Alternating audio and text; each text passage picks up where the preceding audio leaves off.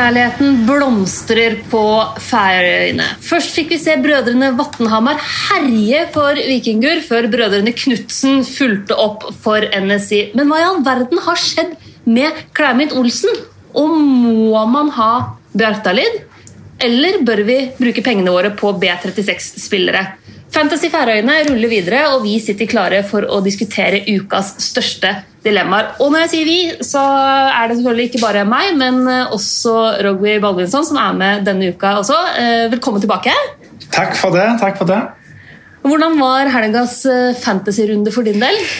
Eh, Starta tungt. Jeg tror eh, mange ble litt nervøse over det som skjedde tidlig på Fantasy, der når TP møtte KI, at de fikk inn kroner, at de fikk inn Eh, spillere som de hadde på benken. Men eh, jeg og sikkert flere andre ble eh, ja, litt mer beroligende når vi så at de ekte spillerne som vi starta med, kom inn. Så det starta tungt, men det var et par som virkelig hjalp meg, så jeg ligger greit an ennå. Ja, Du endte vel opp med en bedre runde med meg også, tror jeg. Jeg fikk jo denne runden endelig betalt for at jeg har hatt eh, Rogvi Johnsen på laget mitt helt fra første runde, men han satt ytterst på benken i første kamp. Eh, mens nå hadde jeg han ute på bana, og han fikk med seg en scoring, så det var bra. Og så kan jeg bare ta det med det at mange opplevde at eh, spillere de egentlig hadde benka, plutselig sto i laget. Altså, greia der er det at uh, Denne fancy-varianten her funker sånn at hvis du har, hvis har putta spillere i startelveren din som er antatt å ikke starte, så kommer liksom de spillerne du har fra benken inn når de spiller. Hvis den ja. spilleren du har som er merka rød, ikke har spilt enda. Ikke sant? Så for eksempel, veldig mange som hadde Gunnar Vatnhamar, som jo var skada runden før og derfor var liksom rødmarkert, så ville de da opplegge at for Kroner eller Møller eller andre eh, billigspillere fra TV kom inn isteden. Men, det, men det skal ordne seg sånn at dere får det laget dere har satt det var jo flere som jubla over de poengene til Bjartali. Mange hadde han som visekaptein. og Da fikk du vel òg de poengene før kapteinen spilte. Yep. Så det var en eh, artig runde. Nå lærte vi noe nytt. Men du må også si litt om Hvordan ligger det an i den, eh, det færøyske landslagets egen eh, liga? Jeg har hørt rykter om at du gjør det ganske bra der også? Ja, altså Det er jo den eneste ligaen jeg er med i der jeg kan forsvare det å ikke vinne. Eh, jeg har jo en liga med Bryne, for eksempel, der vi har en som heter Petter Øfsteng. En 18-19 år gammel stort talent som, som, er fra Bryne. Han leder faktisk over meg helt i starten, men, men nå har jeg tatt ledelsen der.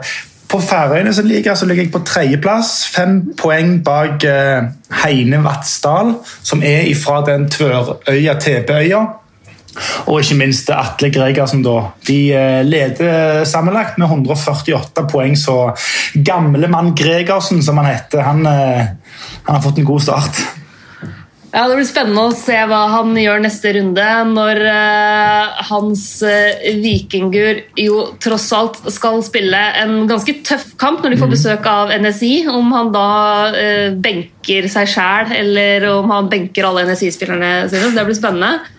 Eh, det er jo en av mine favoritthistorier. Jeg tror det var Asmer Begovic da han var Stoke-keeper, som spilte Fantasy. Hadde egentlig seg sjøl på laget, men eh, Stoke møtte City, så da benka han seg sjøl og kaptein Aguero. Så det kan jo hende at Otley gjør en sånn ja, var, det ikke, var det ikke Shane Duffy som triple-cappa seg sjøl når Brighton hadde denne gode formen og gode steamen, og de hadde double game week? Og Han uh, triple-cappa seg sjøl, og så endte han med minuspoeng og, tap i begge kampene. Var det ikke så? Ja, nei, Da var han uh, ganske misfornøyd sjøl også. Så det. Uh, denne gangen her så har vi fått inn en del spørsmål fra folk både på, på, Twitter og på Facebook. Det er jo veldig stas. og Jeg tenkte vi skulle starte med et fra Alexander Susort på Twitter, som uh, har et spørsmål. Og Hvis vi ser bort fra de dyreste på Fantasy og de som Rogvi trakk fram i sin analyse før sesongstarten, hvilke spillere har imponert dere mest i sesonginnledninga? Eh, altså Hvis vi ser bort fra de liksom, største stjernene og kanonene, er det noen andre spillere som har imponert mer enn det vi hadde trodd? Ja, Aron Knutsen er vel det første jeg kommer på her. Skåret i begge kampene. Og var jo et relativt uskrevet blad. Han var mye skada før, uh, før, denne sesongen. Og Selv om han er en ung gutt, så hadde han aldri skåret i, uh, i Betredeilen, altså i den høyeste divisjonen. Han hadde spilt i kamper, men nå har han jo hatt to på, på to og, og, ser ut til å være en, en nyttig spiller både for NSI og forhåpentligvis kanskje for uh, landslaget òg en gang i framtida. Så han har jo imponert. Han er ikke så dyr heller, tror jeg. Nei, og så må vi selvfølgelig, altså, sånn som Stojanov har jo imponert. Han er jo ny, han òg, men der hadde vi jo litt forventninger, i hvert fall. Mm. Um, jeg må si Av, liksom, av andre typer spillere så syns jeg også at sånn som f.eks. Ari Olsen uh, har vært uh, bra, det i hvert fall nå i forrige runden. Uh, men jeg er enig i at Aron Knutsen kanskje er den som har tatt oss mest med storm. Også, du har jo fulgt serien tettere enn meg tidligere, men jeg må også si at Bordor Hansen mm. syns jeg har vært meget, meget bra altså, i de kampene jeg har, har sett. Så, og Noen av dem uh, har jeg også merka meg som liksom mulige fantasy-jokere. Litt sånn billigere spillere som det kanskje er verdt å satse på. da. Ja, Bauer Hansen har jo vel levert veldig bra i starten. men jeg syns òg han selv om han fikk et rødt kort forrige kamp. Daniel Johansen for HB ja. uh, hadde vel to målgivende før han fikk det røde kortet. Han òg er jo en spiller som det kan være verdt å følge ekstra med på når han kommer tilbake igjen fra suspensjonen. Ja, nei, Det er fryktelig synd at han fikk det røde kortet. fordi Jeg satt liksom og så kampen, og, og alle notatene mine var litt sånn å, der har du kjempeinnlegg, fin involvering, ser veldig bra ut, ser veldig målfarlig ut. Og så plutselig kommer det et rødt kort. bare. Mm.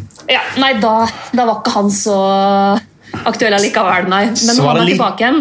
Ja, så var det litt godt også, for det var mange som hadde han på laget og så ut til å få en kjemperunde med poeng der, så det føltes litt godt for meg som ikke har han. så får de minuspoeng på ja, andre. Sant. sant. Eh, vi kan jo starte litt med den eh, kampen som ble spilt på fotballens festdag da, her i Norge. altså 16. mai. Eh, TB mot eh, KI.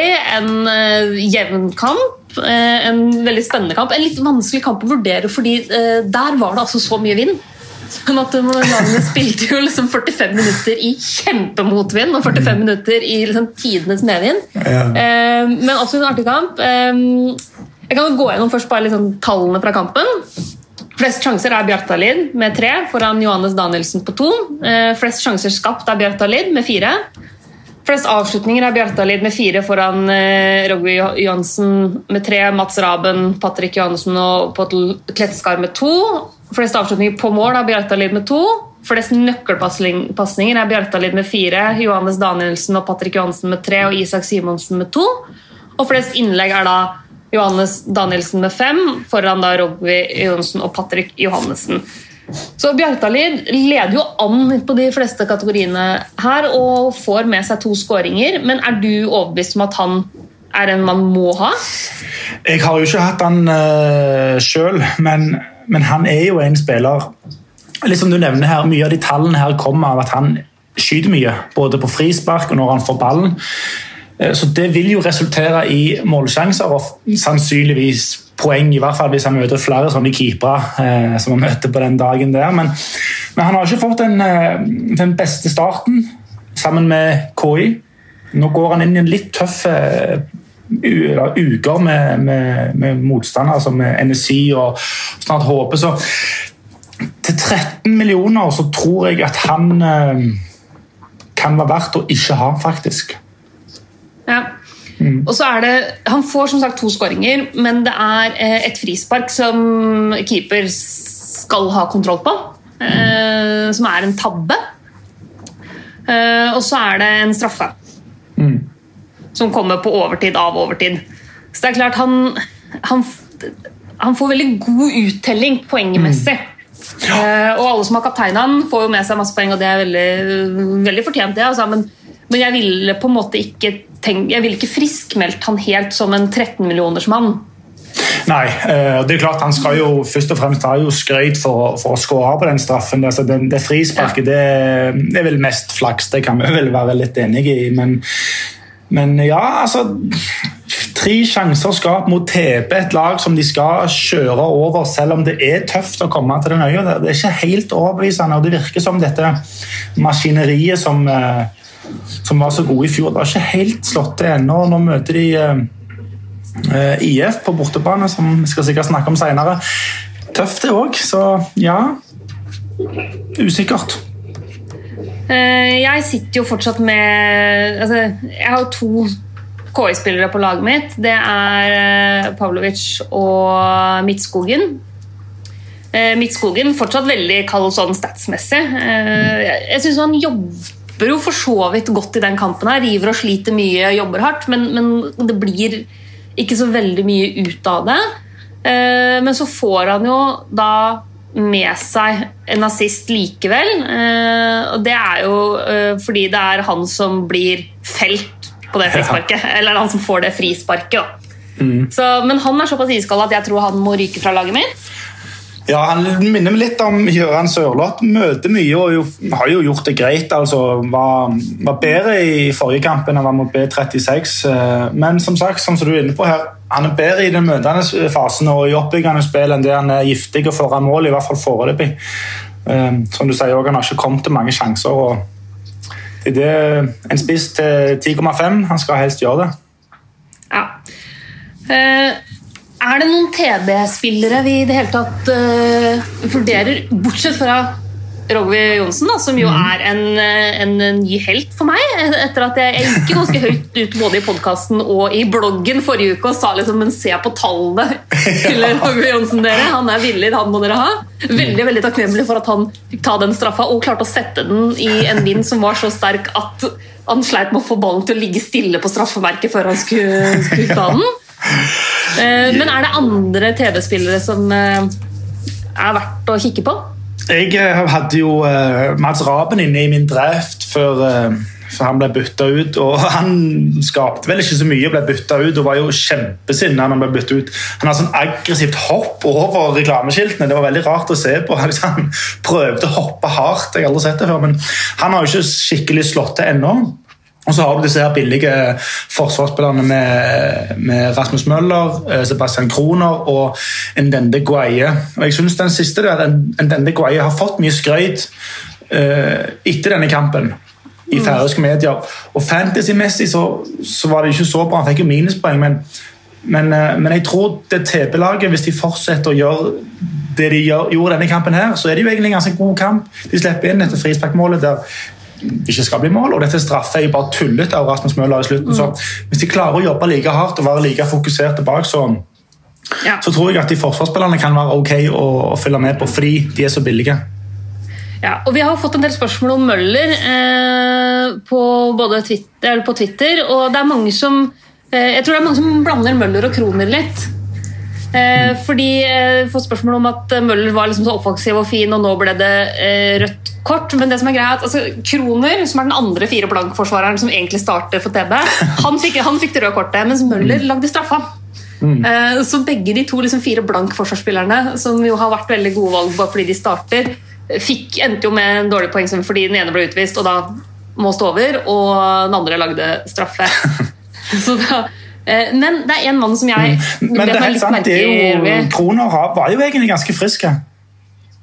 Ja. Mm, ja. Eh, men en annen som jeg bet meg litt merke i, er Samudin Mosa. Han koster 5,5. Er satt opp som midtbanespiller, men har jo nå spilt fordi TB har spilt 3-5-2 de to første mm. kampene, med, med da eh, Raben og Musa på topp i den toeren. og jeg syns at Samudin Musa så litt spennende ut mot Koi. Ja, absolutt. Han har sånne lange steg og virker som en ekkel spiss å spille mot.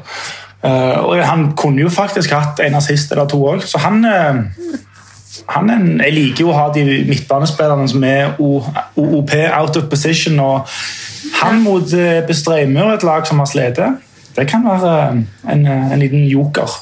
Ja, og jeg syns han var veldig kvikk Altså, mm. Kvikk i beina, fint driv. Han, kom, han, hadde jo et par ganger i løpet av den kampen hvor han var på vei til å komme alene med keeper. Eh, ja. Men litt sånn går kanskje ett hakk for langt eh, et par ganger. Men, men jeg syns likevel at til, til, en så billig pris, da, å ha som mm. en sånn eh, femte midtbanespiller eller eh, eller for så vidt å ha som midtbanespiller noen fire som spiller, sånn at du kan mm. kaste alle pengene dine på topp. Syns ikke han så så dum ut, altså. Eh, Nei, det må jeg si. Det. Mm. Jeg, han fikk vel, eh, fikk vel, straffe, som du sier òg her. Og, og, jeg tror nå når, når, disse lagene begynner å møtes, Viking og NSI, så, og, og, folk skal bytte, så tror jeg han kan være en fin mann å hive innpå for å, for å spare litt cash og oppgradere en annen spiller. Ja. Og han får jo den straffa fordi han er så kjapp i beina. Mm. Så han, jeg, jeg, merker meg han som en sånn mulig mann sammen med Roger Johnsen, og syns egentlig fortsatt at KI er litt sånn Bjartalid eller ingen. Mm. Eh, ja. Men eh, ja. ja. Kanskje en til faktisk som har imponert meg, som ikke har snakket så mye om. Isak Simonsen, venstrebekken, syns jeg var veldig offensiv i begge kampene. Eh, og mm. Og nå har ikke han historisk sett skåret så mye mål, men, men, det tror jeg kan komme hvis han fortsetter å gjøre sånn. Hadde vel, eh, var det to innlegg han hadde, eller to sjanser skapt, eller hva det var? Eller nøkkelpasninger. Mm. Og i tillegg, Hvis KI, eh, som nå slapp inn minst mål i fjor, kan begynne å få orden på, på det, så, så, kan han være en fin mann å, å ha bak. Selv om han, han er jo litt dyr i forhold til, uh, i forhold til de andre forsvarsspillerne. Men det kan være en, en mann å følge med på Isak Simonsen. Ja, han er jo hakket billigere enn uh, Beck-kollega eh, også. Så, fordi det er jo, Hvis jeg husker riktig, eh, så koster vel Johannes Danielsen koster vel 6,5. Mm. Og, ja. for, og Isak Simonsen koster 6 blank. for jeg syns egentlig at også Johannes Danielsen til 6,5 Kanskje litt for dyrt, men han leverer ganske bra når det kommer til antall innlegg og nøkkelpasninger. og kommer seg også til litt sjanser og avslutninger. Så jeg syns egentlig det backparet til KI er litt spennende. Problemet er at de er litt for dyre når du har andre forsvarsspillere som leverer så vanvittig bra. Mm. Eh, så ja, litt vanskelig. Mm. Skal vi ture videre til B36 mot AB? Mm. Eh, B36 som ser bare kjempesterk ut. Det må jeg si. Eh, så jeg ble nok en gang imponert. Ja, det er hjemme mot AB, men likevel syns B36 spiller fin fotball og ser, ser ut som de har så god kontroll hele veien. Mm, ja, helt enig. De, det var egentlig fra, fra, det første minuttet eh, der de kjørte på og kunne vel ha skåret både fem og seks mål eh, faktisk i løpet av de første, den første halvtimen. Og sånn som du sier, bakover med Nattestad i spissen det det, det, er noe solid over de, og i tillegg når de har såpass offensivt frekke spillere i, i Odny Fredriksberg, i, eh, i Maynard Olsen, i, i, Sebastian Pingel, som har kommet tilbake fra skaden og, og, og, var veldig bra når han kom inn mot KI og fortsatte den, eh, den stimen eh, på, lørdag, så, nei, på søndag. Så veldig spennende med B36. og De må nok inn så fort som mulig. Så mange offensive der som mulig. Så, så der må det endres. Og vi kan jo ta, jeg kan bare ta, først ta liksom, statsene fra den kampen. her, fordi Odny Fredriksberg er jo igjen eh, ekstremt sentral. Eh, han har flest sjanser med seks stykker, foran Meinhard Olsen med fire. Flest sjanser skapt er Sebastian Pingel, fem, foran eh, Meinhard Olsen og Benjamin Heinesen med tre. Flest avslutninger er selvfølgelig Odny Fredriksberg med tolv, foran Meinhard Olsen og Stefan Radisavlevic med fire. Flest avslutninger på mål er eh, Odny Fredriksberg med fire, foran Meinhard Olsen og Sebastian Pingel med to. Flest nøkkelpasninger er Odny Fredriksberg med ti, foran Meinhard Olsen og Sebastian Pingel med fem. Eh, og flest innlegg er også Odny Fredriksberg med sju, foran da Benjamin Heinesen og fem. Og van der Heiden fra AB med fire. Vi må få med de òg. Så eh, spørsmål nummer én her er liksom, er Odny Fredriksberg helt must have? Ja, det vil jeg si. Uten tvil. Og han for de som så kampen, så, så, er han en sånn type som han skyter på alt. Om han får ballen fra 40 meter Han er en sånn eh, hva skal si, eh, Adrian Justinesen Light. Han, han, vil skyte på alt og gjør for så vidt det. og Har ikke helt det samme skuddbeinet som Adrian ennå, men, men allikevel et bra bein. og, og han, eh, nei, han må, han må inn. Ja, og han var bare generelt ekstremt bra i den kampen. Og jeg syns at en del av de innlegga, altså innlegga og frisparkene han slår også, ser veldig veldig ofte farlige ut. Så jeg syns han ser kjempebra ut. Mm. Eh, men så har vi også fått eh, spørsmål, da, f.eks. Eh, her fra eh, Ole Jakob Edvardsen på Twitter som lurer på Olsen eller Fredriksberg inn fra B36, uavhengig av pris. Eh, og den som hentes, skal sannsynligvis være kaptein til helga. Fordi Meinhard Olsen er jo også en uh, mann som mange snakker om. Uh, Sindre Hangeland nå på Twitter sier er Meinhard Olsen god nok for større ligaer. Sett meget bra ut så langt, lukter mål hver gang han er frampå. Mm. Hvem av de to ville du valgt? Jeg har jo valgt Meinhard Olsen. Uh, og har jo Litt pga. det vi snakket om i første episode. Meinhard er en, en, type som får ballen, ser ned på ballen og så springer han rett fram. Dribler, og så skyter han. og og Det er hans spillestil. Det som er så bra med, med, Fredriksberg nå, i hvert fall etter at Pingel kom inn, er at både Radosavljevic, Pingel og Maynard Olsen er spillere som jakter alltid, springer, springer, springer. Mens Odny er litt mer den som trekker inn fra sin høyrekantposisjon og så prøver han å pinge det igjennom, eller går på avslutning sjøl fordi at de tre skaper rom for han. Og når de tre har starta så bra med Radosavljevic, Olsen og, Pingel, så tror jeg det kan skape mer rom for eh, Fredriksberg i den tierposisjonen. Så Det er et vanskelig spørsmål. Jeg har hatt, jeg har hatt Maynard, men jeg må få en Odny og Fredriksberg på et eller annet vis. Ja. Jeg også er litt i den situasjonen, fordi jeg har jo eh, kun én eh, offensiv B36-spiller, og det er Stefan Radosavljevic. Hvor jeg ikke har fått noen poenguttelling så langt, men jeg syns liksom han ser bra ut. Mm. Så han er litt vanskelig, Og så er han såpass mye billigere, men jeg synes han er litt vanskelig å ta ut. fordi når jeg sitter og ser eh, B36, så syns jeg på en måte Radosavljevic ser, jeg syns han ser ja. bra ut. Jeg, jeg liker liksom hvordan han uh, framstår da, når jeg ser uh, kampene hans. Men jeg er nødt til å få inn enten Meinhard Olsen eller Odny Fredriksberg, tror jeg. Og da får vi se om og jeg har jo da også eh, Hansen i mål. altså mm. B36-keeperen er min keeper, så jeg har jo bare plass til én B36-spiller til. Eh, så ja, Pinger også ser jo bra ut, da. Ja, han Radosavljevic han er litt sånn Fermino-type. Han er veldig god, gjør veldig mye bra, men, men han, du, du, får ikke de 15-20 målene i løpet av en sesong. Eh, nå skårer jo Fermino litt mål, altså, men de er litt for uegoistiske til å være helt den der kapteinstypen på Fantasy, mens, mens Meinhard og Fredriksberg for eksempel, de skyter jo på alt. så Det er jo de du vil ha på Fantasy, egentlig. De som er litt egoistiske.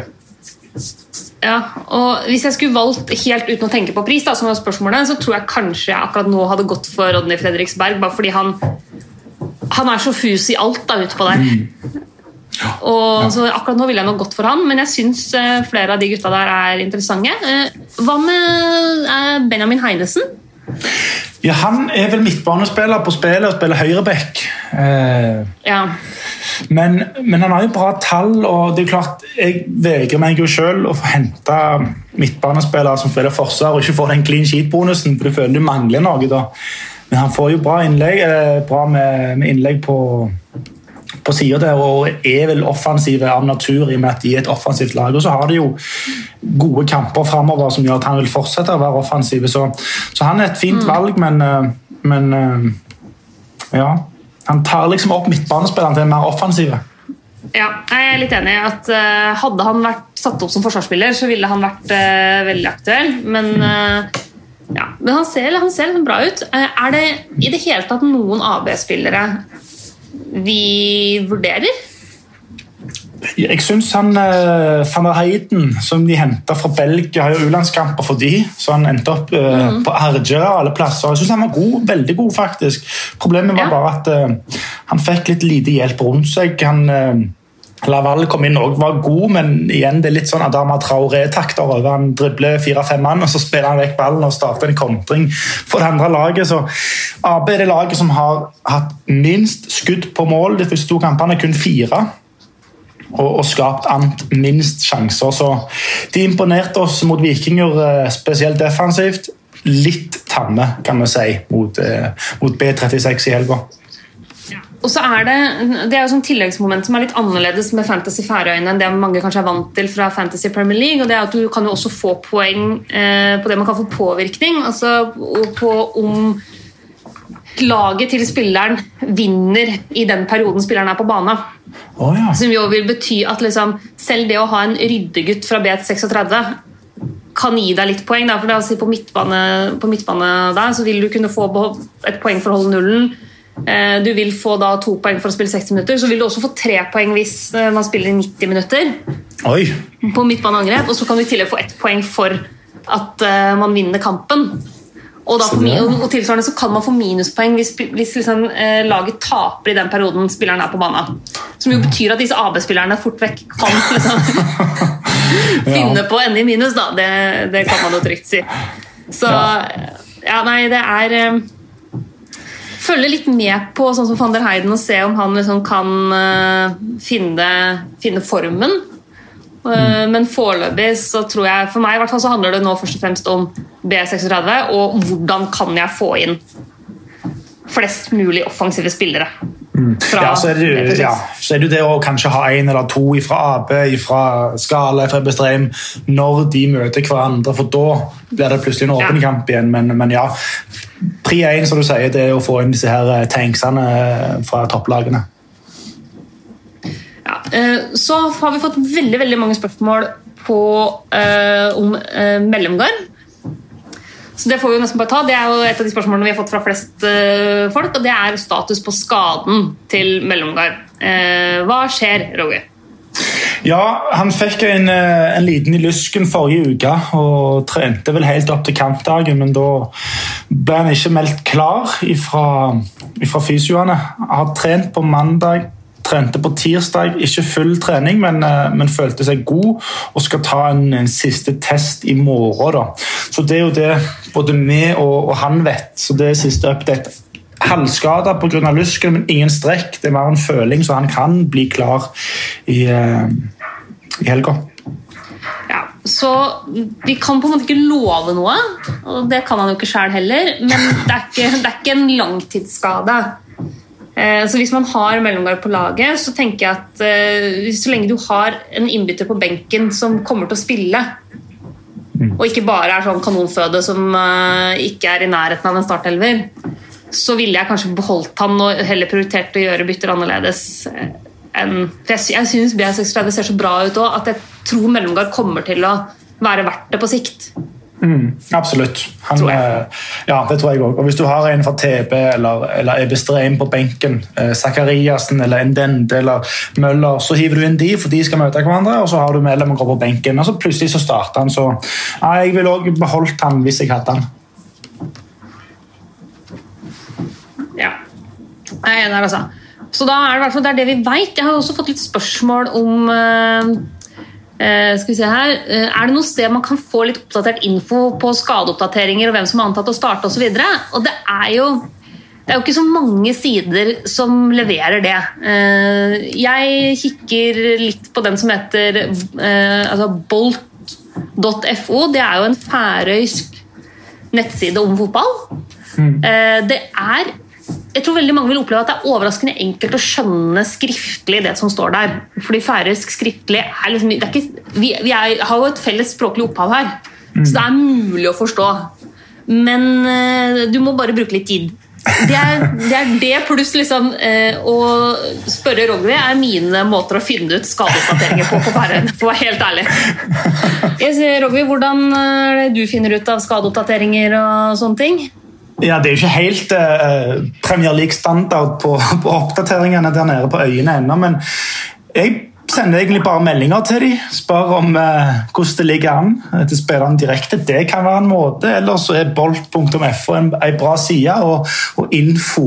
Eh, in.fo òg en bra side. Men, men det jeg lærte i går, det var det at er det ikke sånn at du kan vente med å endre på laget til kampstart? Altså Du har ikke den timen før kampstart, så du, du kan endre helt fram til klokka åtte på fredag, f.eks. Er det ikke så? Jo, jeg tror da at det er litt rausere sånn sett. Eh, Ja, nå skal jeg gå inn og dobbeltsjekke når eh, fristen er. Ja, klokka åtte. Eh, Ja. Så du har jo på den første kampen så har du litt bedre tid enn det man er vant til fra tidligere. Så da kan det jo hende at man får noen oppdateringer. Og så er det en del av eh, altså, Du finner jo lagoppstillingene både i TV 2-appen og på nettsider, og alt sånt, så der går det an å gå inn og sjekke da, hvem det er som eh, ligger an til å starte. Og, eller hvem det er som kommer til å starte. og sånn. Så det, det er det bare å gjøre. Eh, Og da finner man jo blant annet Nå er det jo første kampen på, på fredagen eh, eh, er jo da Vikinger mot NSI. Eller det er vel omvendt, er det ikke det? Nei, det eh, Vikingerne sier at det er en god kamp, ja. Uff. Ja, ja. Eh, Så da kan man jo se litt av hvordan, eh, hvordan det ligger an der. Ja, det er en kjempestor kamp. Det er veldig, den, den gleder jeg meg veldig til. Altså. Det tror jeg blir utrolig kult. Eh, Men før vi rusher videre til å snakke om både Vikinger og NSI, så må vi ta en liten runde med IF mot HB.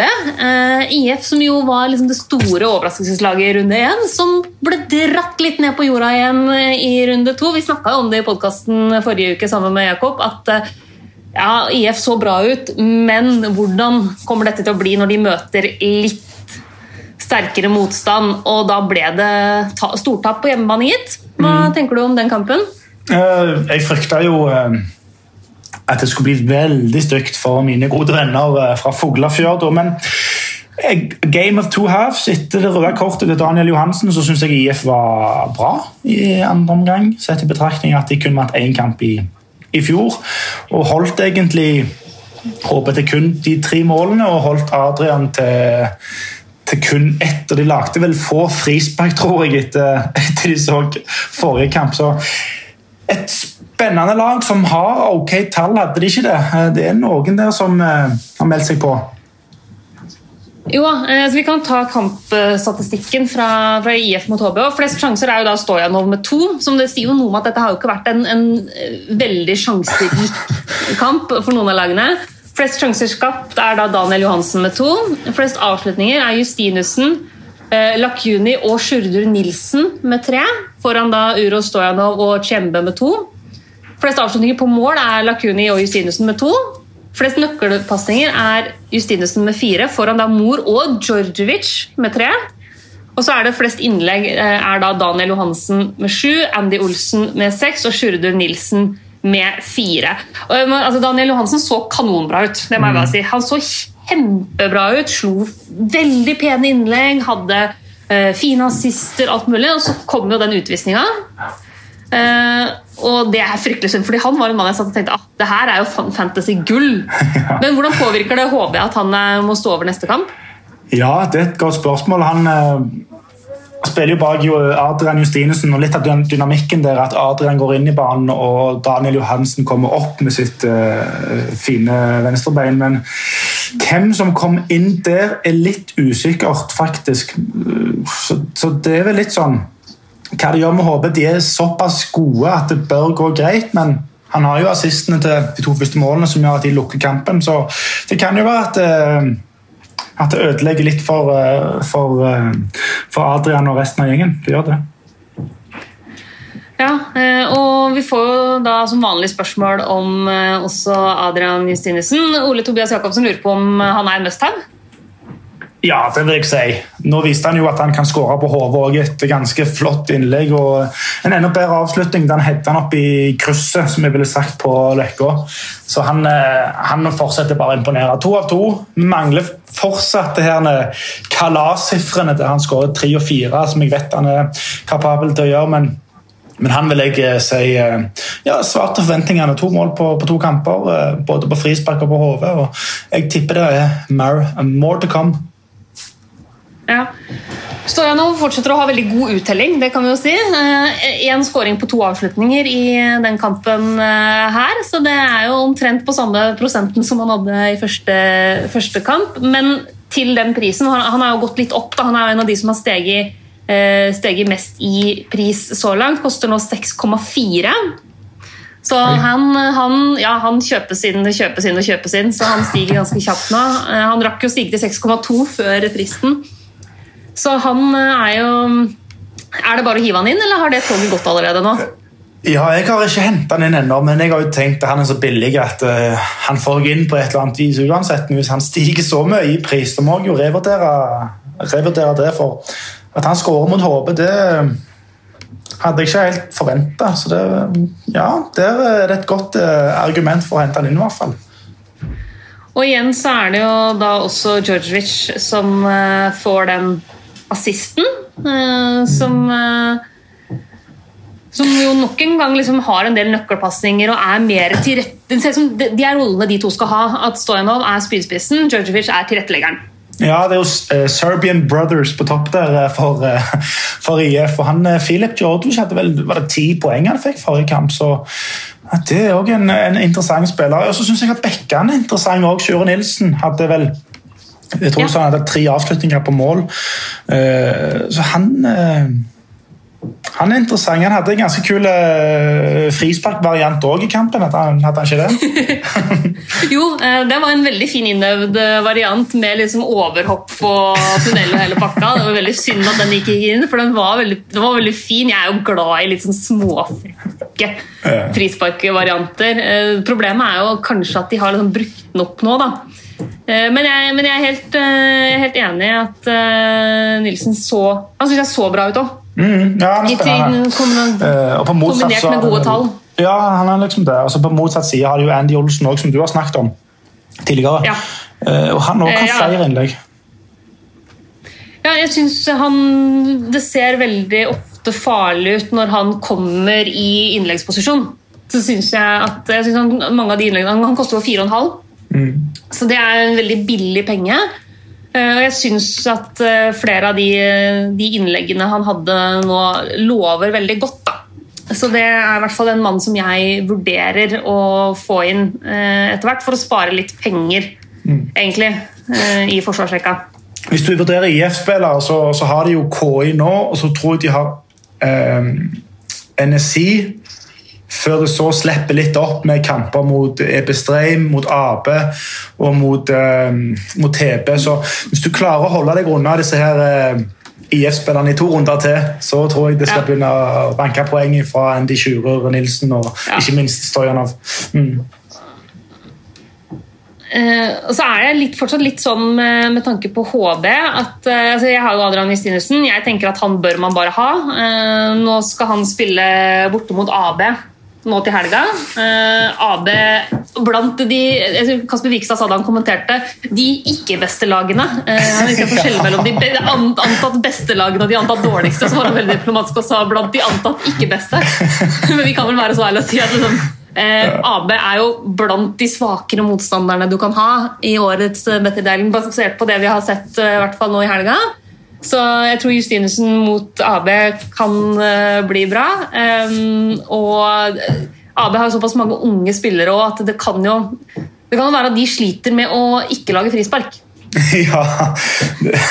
og så er det jo et slags eh, lokaloppgjør òg som vanligvis pleier å bli mange taklinger og, og dueller. Og, og, hvis vi ser på de foregående ti oppgjørene de imellom, så har HP vunnet ni kamper. AB vunnet én, og syv av de ti kampene har endt over to og et halvt mål. Så det bør, eh, det bør bli mål, eh, målfarlig på, for Adrian mot, mot AB på, på, søndag. Men er det noen andre enn eh, Adrian vi burde vurdere på HB? De har jo nå full pott på de to første kampene. Nå, som sagt, så hadde det ikke vært for det derre håpløse røde kortet, så ville jo Daniel Johansen vært et kjempealternativ. Men er det noen, noen andre som eh, du vurderer nå? Jeg har jo Adrian René Johansen som skårte, og keeper Teitur Gestsson eh, på mitt lag. Men han forsvarsspilleren, han Siembe, han var jo både ja. bra defensivt og, og, kom til og med til et par avslutninger, så han er aktuelle. Mm. Så er det litt sånn, Hvem er det som starter? De hiver inn en Øssur Dalby på topp der. Eh, så har de en som heter Daniel eller Dan av Søylu, som også kommer inn og er litt sånn interessante. Men jeg, jeg tror eh, det går jo kun an å ha tre stykk, og i mine øyne så er det Adrian som er nummer én, og så er det faktisk René Johansen som er nummer to. Og Hvis Daniel Johansen hadde spilt, hadde han vært den siste, men men for meg så er det keeperen, for jeg tror de kommer til å holde mye clean shit med, med Tsiembe og resten av laget foran seg. Ja, det er noe godt poeng, altså. Eh, Vikingur eh, mot Skala ble et fyrverkeri av en fotballkamp. Eh, endte 5-2 til eh, Atle Gregersen og hans eh, lagkamerater etter at Skala faktisk tok ledelsen tidlig i kampen, og også ble forært skåring nummer eh, to på en helt grusom eh, involvering fra Tomic der. Men mye mål. Eh, ingen clean sheet på noen som helst måte, men likevel så ble det fin poengfangst på Gunnar Vatnhamar, som nå er tilbake etter sykdom. Eh, og vel viste hvorfor vi har hausa han opp som en must-have før sesongen. eh, Roger. Ja, Det er jo den færøyske John Lundstram. og Jeg så kampen. Han kunne vel hatt både mer enn både en assist og, og et mål. Han var veldig farlig og spiller egentlig som en spiss, faktisk. Så, så han er det bare å få Og en er jo eh, involvert hele tida. Mm, Ja, ja. En, en, en, eh, en, Eh. en nydelig fantasy-spiller. Han er ikke veldig teknisk, og sånt, men han kom i boks og, og stuper, stuper fram med, med livet som innsats for å skåre. Ja, helt fantastisk å, å se. Altså. Og han eh, gjør det jo veldig bra hvis vi ser på kampstatistikken. Han også. Han Sammen med Finner Justinussen, som ikke fikk uttelling forrige runde, men som nå fikk, uh, fikk scoring. Så De som har flest sjanser, er jo da Finner Justinussen med fire. Foran Jan Ingasson Hansen på tre, og da Gunnar Vatnhamar og Jakob Johansen på to. Flest sjanser skapt er Jakob Johansen med tre, foran Gunnar Vatnhammer og Sølvi Vatnhamar og Andreas Jacobsen og Ronny Møller Iversen på to. Brødrene Vatnhamar gjorde jo veldig bra i den kampen. her. Flest avslutninger Gunnar Vatnhammer fem, foran Sølvi Vatnhammer og Finner Justinussen med fire. Og flest avslutninger på mål er eh, Finner Justinussen og Jan Ingasson eh, Hansen med tre, foran Sølvi Vatnhammer med to. Flest nøkkelpassinger er da Sølvi Vatnhammer med seks, foran Gunnar Vatnhammer med fem og Jakob Johansen med fire. Og så er flest innlegg er Ari Olsen og Jakob Johansen med sju. Så det er jo viking, mye vikinger på eh, kampstatsene, og det er mye finner. Det er mye Vatnhamar, både Gunnar og Sølvi. Ja, og det er nok de tre du vil ha, fordi de har jo vært litt dårlige bak. Jeg syns de var heldige som ikke slapp inn mot Ap, og, og egentlig heldige som ikke slapp inn mer mot Skala. Men eh, hvis du ser på Vikinger generelt, så har de skapt flest sjanser i ligaen. 44 sjanser, og så har de eh, skutt mest på mål, 15. Og det lover jo bra for, for eh, The Vatnama Brothers, og ikke minst Finner, da, som var min kaptein etter hvert. Men Finner òg, ja ett mål på, på to kamper med disse statistikkene her, det lover ikke helt bra. Men han eh, Jakob Johansson han var lovende. Han var interessant. Ja, han syns jeg Eller han pekte seg ut for meg, for han koster sju blank. Og får jo med seg bl.a. assisten på det 2-1-sjølmålet. Eh, har fine tall, og jeg syns han så veldig bra ut. Så han er en liksom, spiller jeg kommer til å følge med på. Um, Ole Jakob Edvardsen lurer på om det er innafor å kaste Sølvi Vatnhamar nå som Vikinger møter de andre topp fem-lagene eh, i kampene framover. Eh, er det innafor, eller bør man holde på Sølvi? Jeg syns vi bør holde på han, fordi de kommer til å skape sjanser mot disse bedre lagene. De, dette er jo et typisk kontringslag. Det er derfor de gjerne ikke har starta så bra mot AB og mot Skala. Og når de møter side, når de møter lag som er offensive, så, de, så kommer de mer til sin rett.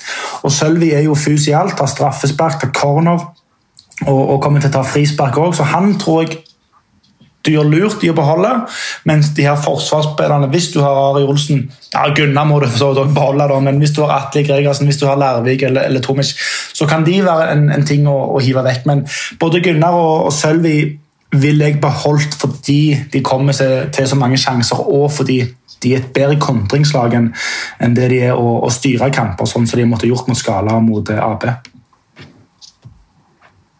Ja, Vi så jo et eksempel eh, på det eh, mot Skala her. Jeg lurer på om var det 4-0-målet, man tror. Hvor det er, liksom, det er Skala corner, og så får du en klarering, og bang, bang, bang, bang, bang, så er det scoring i andre enden. Altså, det går, på et, det går så kjapt. Og det går da fra liksom, motstanders corner til scoring for Vikinger på null komma svisj. Så det er eh, noe, en kombinasjon av tempo, men også en del ganske presise pasningsføtter. Som gjør at eh, jeg ser for meg at de kan fort vekk kontre inn skåringer på egentlig alle lagene ute på Færøyene. Um, så Jeg er litt enig med at altså jeg kommer nok ikke til å kvitte meg med noen av de jeg har fra Vikinger. eh, Men hvem ville du hatt øverst på Vikinger ønskelista? Sånn, hvis du skal ta, kanskje Gunnar Vatnhamar er kanskje nummer én fordi han er satt opp som forsvar, men hvem, hvem er nestemann på lista hvis du bare kan velge én?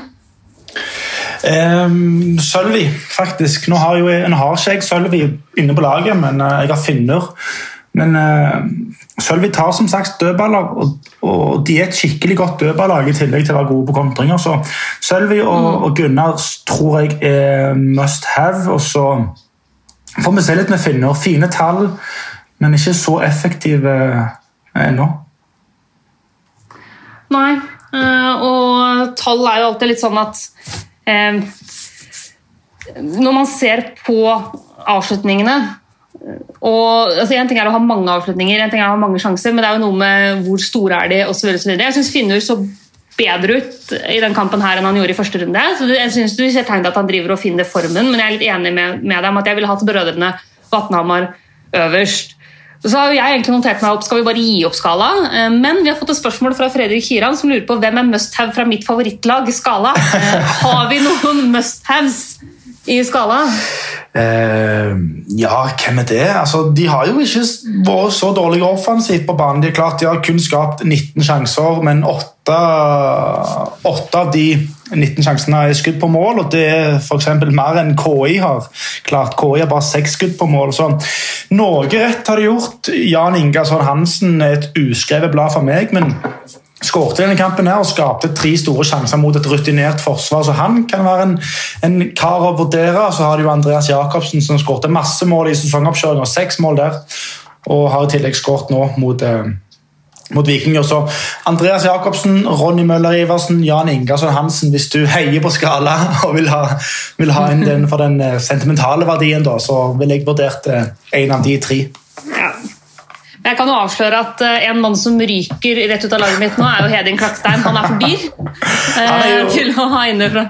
Ja, Han er jo sønnen til Vikinger-treneren, så jeg vet ikke om han bare var grei med, med Vikinger i starten, eller om, eller om han ikke er en fantasy-spiller. Jeg tror kanskje det er pga. at han ikke er så god at han eh, fortjener å være på, på ditt lag. Ja. Nei, og jeg, og jeg, tror det er litt det at jeg må, få, jeg må få inn noe mer offensivt B36, og da må noe ofres, eh, ja. egentlig. altså. Um, Ede Streimur mot NSI endte 3-0 til eh, NSI. Eh, og brødrene Knutsen i kjempeform. Men Klæmint Olsen, som var min kaptein, gikk jo måleløs av bana. Utrolig nok. fordi, ok, eh, dette er grunnen til at man, Når man skal spille fantasy, så kan man ikke bare se på poengene, man må også se kampene. Fordi Klæmint Olsen hadde et par enorme sjanser, bl.a. ja, en i Tarligeren. Men du vurderer å selge han, Roger? Jeg vurderer det. Han hadde, vel, han hadde vel et mål, et vanvittig fint mål mot Ebbe Streimer, som ble avblåst for offside. Men uh, Ja, Kjempeavslutning. Ja, men uh, jeg vurderer å selge han, men jeg vet ikke helt. Det er litt sånn for, det er litt hipsteraktig å selge han, tror jeg, fordi alle har han. Men på en normal dag så ville han skåret i hvert fall ett og kanskje to òg mot, uh, mot Ebbestreim. Grunnen til jeg vil selge han er for å hive inn Arne i Fredriksberg. Men uh, han kommer jo til å skåre mot Vikinger. Var ikke det Atle Gregersen sa uh, når han var med oss? at uh, han og Klemen står og snakker om kaffe og snus, og så plutselig så skårer han tre mål. Og det kan fort skje på, ja. i, i, morgen òg. Ja, og Hvis vi skal ta statistikken, så er det jo sånn at Klemit Olsen har flest sjanser i den kampen. Fem foran Aron Knutsen med fire. Og da Peter Knutsen og Moritz Heine Mortensen med tre. Eh, Peter Knutsen skaper flest sjanser, fem, foran Jan Julian Benjaminsen på fire. Flest avslutninger er selvfølgelig Klæmit Olsen med seks, foran Aron og Peter Knutsen på fire. Og Moritz eh, Heidi Mortensen igjen på tre. Flest avslutninger på mål er Aron Knutsen og Clement Olsen med tre, foran Peter Knutsen. Flest nøkkelpasninger er Jan Julian Benjaminsen og Peter, Peter Knutsen med seks, foran Clement Olsen og Bårdur Hansen på fem. Og flest innlegg er da Bårdur Hansen med 18! Og Nestemann på lista er da Jan Julian Benjaminsen med fem. Så der er Bordur Hansen i en klasse for seg. Eh, og eh, Både Peter Knutsen og Aron Knutsen leverer jo veldig bra. Aron Knutsen koster altså 6,4. Og Fredrik Tenfjord lurer på om er eh, A. Knutsen en spiller man kan forvente regelmessig med på målpoeng fra, eller vil Peter slash Klæmint ta mer over utover sesongen? Eh, hva tenker du, Røgvi? Ja, det tror jeg. Jeg tror Peter og Clement kommer til å ta over. Uh, Aron Knutsen var jo som sagt et uskrevet blad som har vært mye skada og er unge. Som har tatt like med storm så, uh, sånn sett. Men, men, det er litt som med IF. Nå har NSI møtt eh, er og de har møtt TB hjemme. To lag de skal kjøre over. Nå kommer de tøffe kampene. Hva gjør han da? Da tror jeg det blir safere å ha spillere som har levert mot disse før, da, sånn i Clement og Peter f.eks. Eller, eller bare han sånn, som, som er kanskje den beste høyrebekken i ligaen. Ja. Men samtidig, til 6,4 så altså hvis, du vil ha en, hvis du ikke har Peter Knutsen Mm. eller Clement Olsen, og du tenker at oi shit, NSI fortsetter jo bare å skåre mål og skåre mål, og skåre mål, men jeg har ikke egentlig råd til å ta inn noen av de store kanonene, eller at du har én av dem, men ikke råd til å ha begge to, så kan jo Aron Knutsen være en helt fin mann til 6,4 å hive inn. Eh, men Bordur Hansen, altså 18 innlegg. Koster 6,5. Eh, er jo satt opp som forsvar, men er mer wingback. Er han verdt pengene?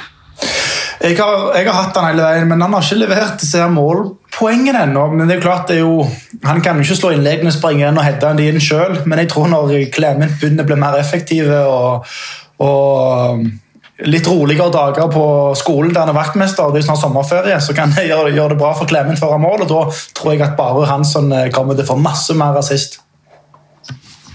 Ja, og uh, igjen så er det jo sånn at Du kan jo si ja, det er mange innlegg, men hvis du går inn og ser gjennom alle innleggene til Bårdur Hansen, så ser du at ganske mange av dem blir farlige. Altså, dette er ikke sånn, det er, ikke sånne sleivspark som uh, går rett i blokka eller uh, rett til liksom, en motspiller eller som bare er søppel. Det er mange ganske farlige innlegg. Og han er jo veldig veldig offensiv, fordi han er, er jo en slags wing, han er jo wingback, basically. Ja, nei, Det er ikke en kjøttbekk sånn som Bjørn Dahl for eksempel, som bare poler det inn i boksen mot uh, Petter EJ. Dette er en, eh, en offensiv, eh, god, kjapp spiller som, som du sier, han burde jo hatt tre-fire målgivere allerede. Ja. Så han eh, er definitivt på min liksom, eh, følge med på-liste framover. Eh, og det er også faktisk litt Moritz Heini Mortensen, eh, som da også er midtbanespiller. Koster 6,4 han også, så samme som Aron Knutsen. Som jeg syns kommer seg til en del sjanser og, og ser litt sånn småfarlig ut. Er det bare ønsketenkning fra, i mitt hode, eller er du enig? Nei, Han har vært spennende. Jeg syns flere på NSI har vært spennende. Men det er litt igjen som jeg var inne på. De har møtt eh, to lag som de skal slå. Nå kommer det Vikinger. eh, Nå møter de snart eh, HB og B36 disse lagene her. Men, men ja, eh, de er spennende. Han er spennende. Jan Ingi Benjaminsen er veldig spennende på venstre vingbekken der. Så det er muligheter for å få de litt mer billige spillerne til, Tennessee. Er det noen EB-spillere vi vurderer? Nei. Det tror jeg ikke. Eh, Enkelt og greit? Enkelt og greit. ja, det er mange som har Eh, spurt vel om, om Arnbjørn Hansen. Eh, Ja. Han er jo mye skada og kom vel ikke inn, var vel ikke i troppen engang. Han var vel kun assistenttrener. som er noe. Han er mye skada. Når han spiller, så kommer han til å skåre litt utover sesongen, men igjen, han, han spiller altfor lite. og Treneren har til og med sagt at han kommer aldri til å spille 90 minutter. Så der har du Ja. vel, eh, Jeg tror ikke treneren sjøl har han på laget. Nei, og Det advarte vi jo også litt eh, mot før sesongen. Eh, så eh, AFC Bournemouth Norway eh, Veldig hyggelig at eh, folk som vanligvis kanskje følger mest med på Premier League, også hever seg over eh, Fantasy Færøyene og fotballen på Færøyene. Eh, Men AFC Bournemouth eh, Norway lurer på hvem skal inn på spissplassen for Hansen fra Streimer. Han koster da 8 millioner, og her vil han ha en spiller som faktisk er rett inn i elveren, og har da 9 millioner å handle for. Er svaret så enkelt som Stojanov? Ja, jeg tror det. Så får du litt penger å rutte med, så kan du oppgradere en midtbanespiller til en eh, Fredriksberg eller Olsen eller eh, Radosavljevic. Eh, Det ville jeg gjort i hvert fall, hvis jeg hadde hatt Ambjørn Hansen på mitt lag. Ja. Eh, vi har jo snakka litt om neste runde allerede. Hovedkampen selvfølgelig Vikinger mot NSI nå eh, på fredag. Og eh, Nordling 86 vil gjerne ha noen fantasy-tips rundt den kampen mellom Vikinger og NSI. Han har eh, spillere fra begge lag og må ta noen valg. Og hvis man da har troa på NSI, eh, er det noen forsvarsspillere der vi anbefaler? Ja, vi var jo litt inne på Bao Hansson, og det er jo mest pga. det offensive han kommer med. Dette er historisk sett, tror jeg, det toppoppgjøret som genererer mest mål. Og allerede i år så er disse to lagene de to lagene med flest avslutninger på mål. 15 eh, avslutninger på mål for begge to. De har skapt masse sjanser, de har skåret mye mål. Så jeg tror de offensive spillerne her kan det være greit å beholde Men, eh, men bakover på banen så må de være offensive, sånn som f.eks. Gunnar Vatnhammer eller bare Hansson, som kommer til å skape sjanser. Hvis du har en Ari Olsen, hvis du har en Johan Trost Davidsen, så kan det være lurt å bytte de ut, for de kommer ikke til å skåre sannsynligvis, og de kommer ikke til å være så mye offensive. Så behold de mest offensive forsvarsspillerne, og gjerne vurdere å beholde de offensive spillerne generelt på banen, for jeg tipper dette kan komme til å bli en 2-2-3-3-kamp. Ja. Altså, jeg eh, tror også at vi får mye mål. Fordi dette er to lag som så langt har vært eh, bedre framover i banen. Eh, kanskje spesielt NSI, egentlig. Eh, og så har jeg altså, Jeg holder jo en liten knapp på Vikingur, men det er litt sånn hjemmebanefordelen, egentlig. Eh, jeg syns at hvis vi skal vurdere de to laga over de to kampene, så syns jeg kanskje, jeg synes kanskje Vikingur var best nå i runde to. Men så var NSI bedre enn Vikingur i første runde. Mm. Ja. Så derfor syns jeg det er vanskelig å spå. Jeg, ja, jeg kommer til å starte Gunnar Vatnhamar. Jeg kommer til å starte sannsynligvis Climate Olsen og Peter Knutsen. Og så har de en dommer i den kampen, eh, en brasilianer faktisk, som er født og oppvokst på Færøyene, Alex Troles. Han har jeg tror han har dømt over 100 straffespark i sin karriere eh, på Færøyene. Seks straffespark i fjor og, ti før det, så han har vel i snitt tror jeg, sånn ett straffespark hver tredje kamp. Og i denne kampen her får han kveldskamp på fredag foran TV 2, foran nordmenn. Jeg tror det blir et par harde dueller, og jeg tror at det, det blir straffe begge veier i den kampen der. Så da betyr det jo at vi Sølvi Vatnhamar tar jo straffer. Mm. Uh, og det, det, gjør ikke Clement Olsen, så han kommer ikke til å få noe godt ut av at eh, det blir straffet igjen i den kampen. Selv om sjansen for at han blir felt, er jo for så vidt ganske til stede. Ja. Så, ja, for det er, vel, det er, vel, Peter som tar i straffene? Stemmer det. Peter tar straffene. Han var jo sikkerheten sjøl i forrige kamp. Jepp. Så ja. Så har vi B36 mot uh, Skala, EB Streimoen mot TB, IF mot KI og AB mot HB. Og da er jo store spørsmålet kapteinsvalg. Er det noen kamper og spillere som liksom umiddelbart blinker seg ut som de mest aktuelle her? Ja, jeg vil nesten si alle er offensive for B36. Pingel, uh, Fredriksberg og og Maynard Olsen. Og når vi var inne på straffespark, så må jeg bare ta med han eh, kompisen vår som skal dømme denne kampen. Johan Henrik Ellefsen dømte 27 kamper i fjor. 14 straffespark på de kampene. Så Der kan det òg ligge straffespark i lufta. Men Skala er jo det laget som har uh, sluppet mest mål, tror jeg. Uh, med med syv på to kamper. Er shaky bak. B36 det helt motsatte. Har skåret mest og virker til å være um, veldig gode fra, fra start nå, med de, spesielt de tre på topp, med Meinar Olsen, Arten i Fredriksberg og, og, og, Pingel. Og jeg tror det er Odden i Fredriksberg som kommer til å ta de straffene. Det har han iallfall sagt sjøl. Ja. ja, og jeg har, altså det er jo hovedgrunnen til at jeg har tenkt til å prøve å gjøre alt jeg kan for å få inn enten Magnar Olsen eller Fredriksberg eh, til den runden her, er jo fordi jeg tenker at hjemme mot Skala det, er, det lukter kaptein lang vei. Eh, men jeg syns også altså, han Adrian Justinsen borte mot AB som vi om, jeg synes Det er ikke det dummeste altså, jeg, jeg, ville heller gitt kapteinspinnet til Adrian Justinsen borte mot AB enn til Bjartalid hjemme mot uh, Nei, borte mot IF. Mm, ja, eh, det er nok Adrian eller en på B36 som blinker seg ut, i hvert fall, som den helt eh, store kapteinsvalget. Eller det helt store kapteinsvalget. Mm. Og jeg tror ikke det blir noe kaptein på verken Vikingur eller NSI for min del. Nei, altså jeg, som sagt, jeg tror det kommer mye mål der, men det er litt mer usikkert. Du, du capper jo ikke nødvendigvis en hvis Liverpool spiller mot City, men du capper gjerne hvis United eller Chelsea spiller mot ja, Brighton eller, eller hvem det måtte være. Så i, i utgangspunktet så, så, vil de jo heller ta de lagene som møter et dårlig lag, eller et mindre godt lag, som Kasper ville sagt.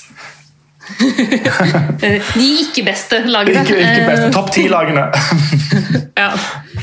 Eh, nei, men jeg, jeg, tror, jeg, tror, vi kan stå godt inne for det. Altså. Eh, du kan vurdere Adrian Justinussen, du kan vurdere alle offensive spillere på B36, egentlig. Mm. Og du vil kunne ta helg med en eh, god følelse, uansett hvem av de du går, eh, går for for. Har vi noe mer vi bør legge til før vi runder av for i dag, eller?